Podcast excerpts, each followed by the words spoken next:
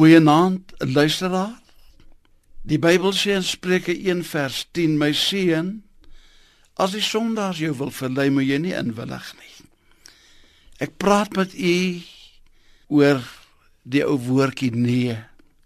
Elke seun, elke dogter, elke man en vrou, elke mens moet die betekenis van 'n paar belangrike woorde en begrippe aanleer om deel te maak van hulle lewenstoerusting.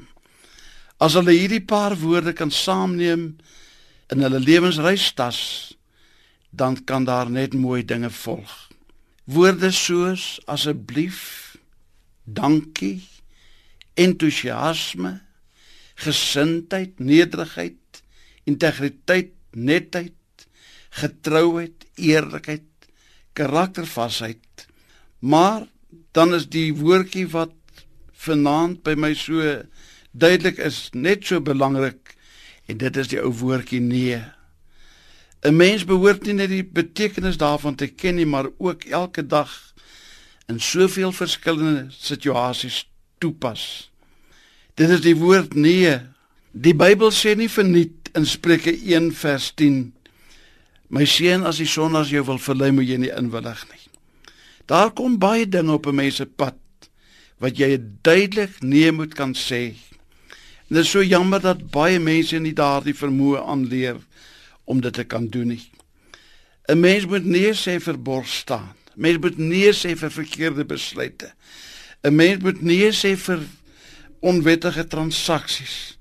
'n Mens moet nie sê vir dit wat indrys teen jou opvoeding. Ons dink aan Josef se nee wat weer galm deur die eeue as 'n oorwinning oor die lewe van onsedelikheid met die vrou van Potifar.